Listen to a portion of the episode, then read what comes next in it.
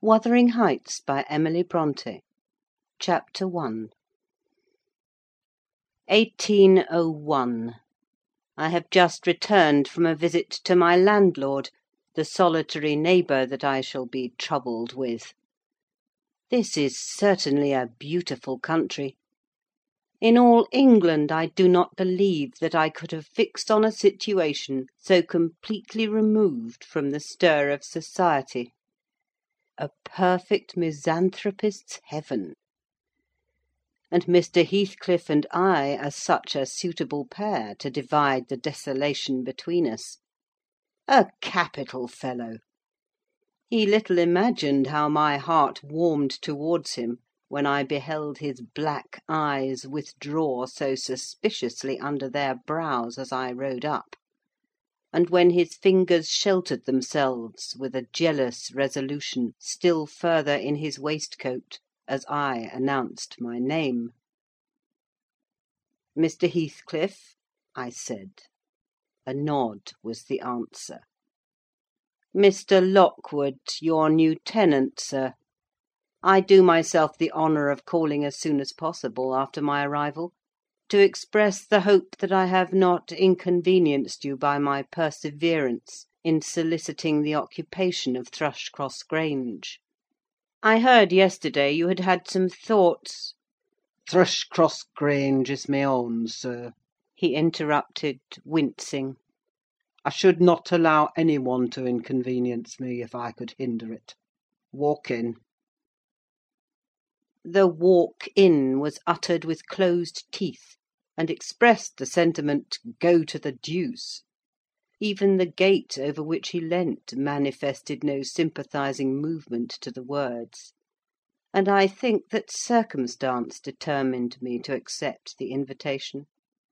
I felt interested in a man who seemed more exaggeratedly reserved than myself. When he saw my horse's breast fairly pushing the barrier, he did put out his hand to unchain it and then sullenly preceded me up the causeway, calling, as we entered the court, "Joseph, take Mr. Lockwood's horse, and bring up some wine." "Here we have the whole establishment of domestics, I suppose," was the reflection suggested by this compound order. "No wonder the grass grows up between the flags, and cattle are the only hedge cutters." Joseph was an elderly, nay, an old man: very old, perhaps, though hale and sinewy. "The Lord help us!" he soliloquised in an undertone of peevish displeasure, while relieving me of my horse; looking meantime in my face so sourly that I charitably conjectured he must have need of divine aid to digest his dinner, and his pious ejaculation had no reference to my unexpected advent. Wuthering Heights is the name of Mr. Heathcliff's dwelling; Wuthering being a significant provincial adjective, descriptive of the atmospheric tumult to which its station is exposed in stormy weather. Pure bracing ventilation they must have up there at all times indeed. One may guess the power of the north wind blowing over the edge by the excessive slant of a few stunted firs at the end of the house, and by a range of gaunt thorns all stretching their limbs one way, as if craving alms of the sun. Happily, the architect had foresight to build it strong: the narrow windows are deeply set in the wall, and the corners defended with large jutting stones. Before passing the threshold, I paused to admire a quantity of grotesque carving lavished over the front, and especially about the principal door; above which, among a wilderness of crumbling griffins and shameless little boys, I detected the date 1500, and the name Hareton Earnshaw. I would have made a few comments, and requested a short history of the place from the surly owner but his attitude at the door appeared to demand my speedy entrance or complete departure; and I had no desire to aggravate his impatience previous to inspecting the penetralium. One stop brought us into the family sitting room, without any introductory lobby or passage. They call it here "the house" pre eminently. It includes kitchen and parlour generally; but I believe at Wuthering Heights the kitchen is forced to retreat altogether into another quarter. At least I distinguished a chatter of tongues and a clatter of culinary utensils deep within; and I observed no signs of roasting, boiling, or baking about the huge fireplace, nor any glitter of copper saucepans and tin cullenders on the walls. One end, indeed, reflected splendidly both light and heat from ranks of immense pewter dishes, interspersed with silver jugs and tankards, towering row after row on a vast oak dresser to the very roof.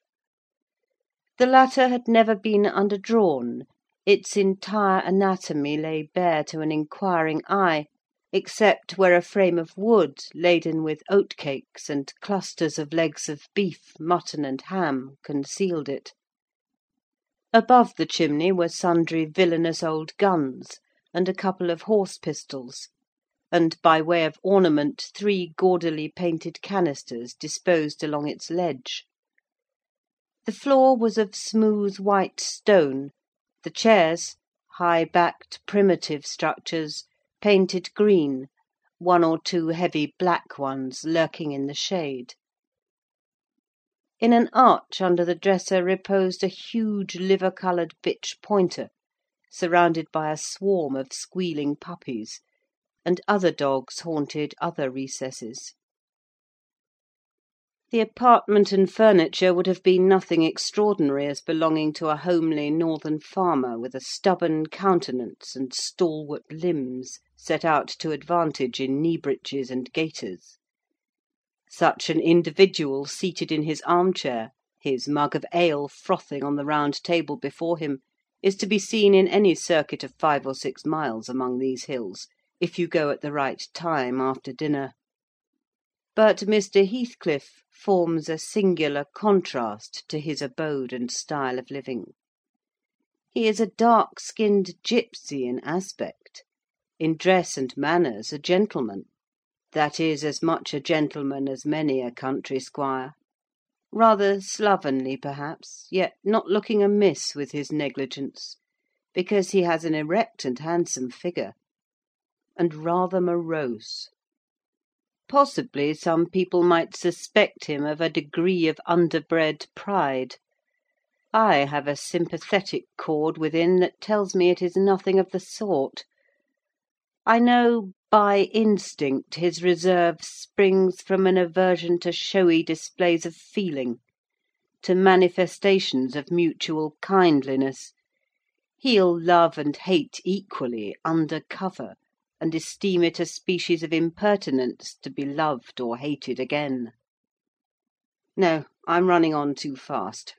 I bestow my own attributes over liberally on him.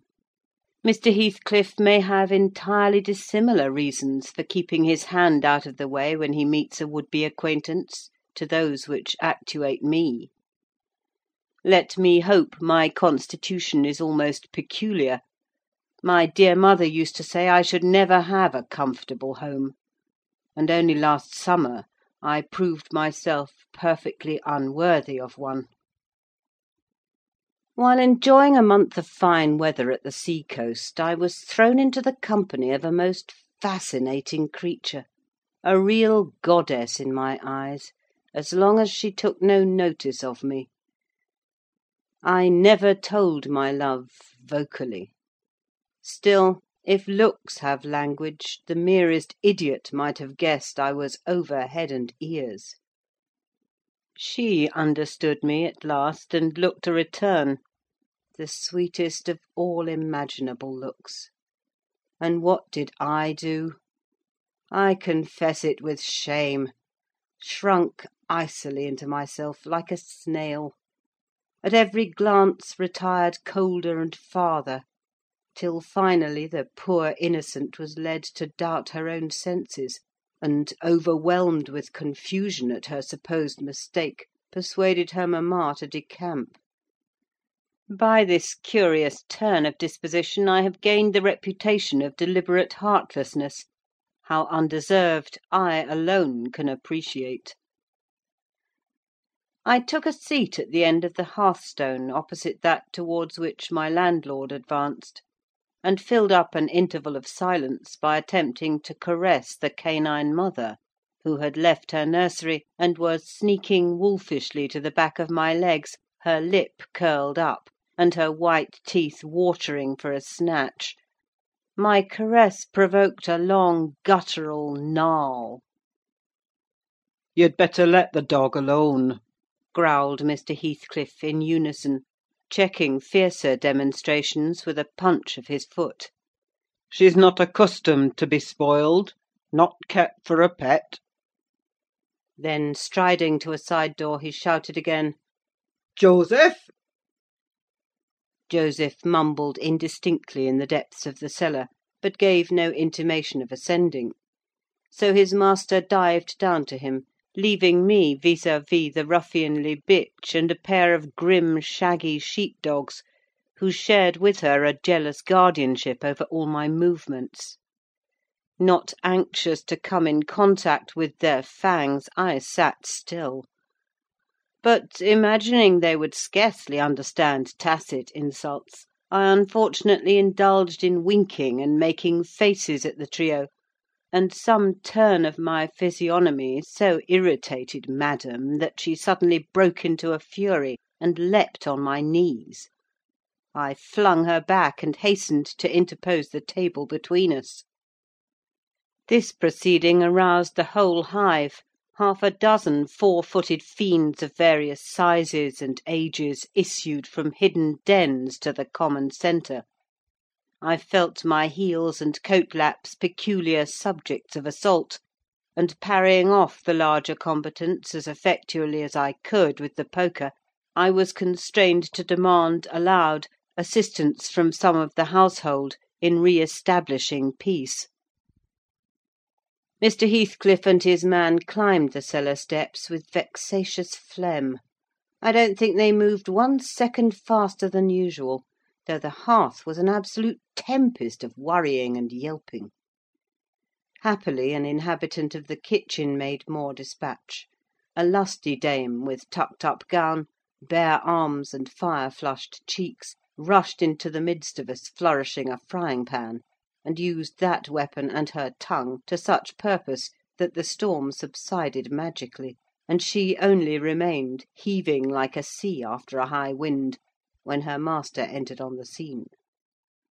"What the devil is the matter?" he asked, eyeing me in a manner that I could ill endure after this inhospitable treatment. "What the devil, indeed!" I muttered. "The herd of possessed swine could have had no worse spirits in them than those animals of yours, sir. You might as well leave a stranger with a brood of tigers." "They won't meddle with persons who touch nothing," he remarked, putting the bottle before me, and restoring the displaced table. "The dogs do right to be vigilant. Take a glass of wine?" "No, thank you." "Not bitten, are you?" If I had been, I would have set my signet on the biter. Heathcliff's countenance relaxed into a grin. "Come, come," he said, "you are flurried, Mr. Lockwood. Here, take a little wine. Guests are so exceedingly rare in this house that I and my dogs, I'm willing to own, hardly know how to receive them. Your health, sir?" I bowed and returned the pledge, beginning to perceive that it would be foolish to sit sulking for the misbehaviour of a pack of curs. Besides, I felt loath to yield the fellow further amusement at my expense, since his humour took that turn. He, probably swayed by prudential consideration of the folly of offending a good tenant, relaxed a little, in the laconic style of chipping off his pronouns and auxiliary verbs, and introduced what he supposed would be a subject of interest to me, a discourse on the advantages and disadvantages of my present place of retirement. I found him very intelligent on the topics we touched; and, before I went home, I was encouraged so far as to volunteer another visit to morrow. He evidently wished no repetition of my intrusion. I shall go, notwithstanding. It is astonishing how sociable I feel myself, compared with him.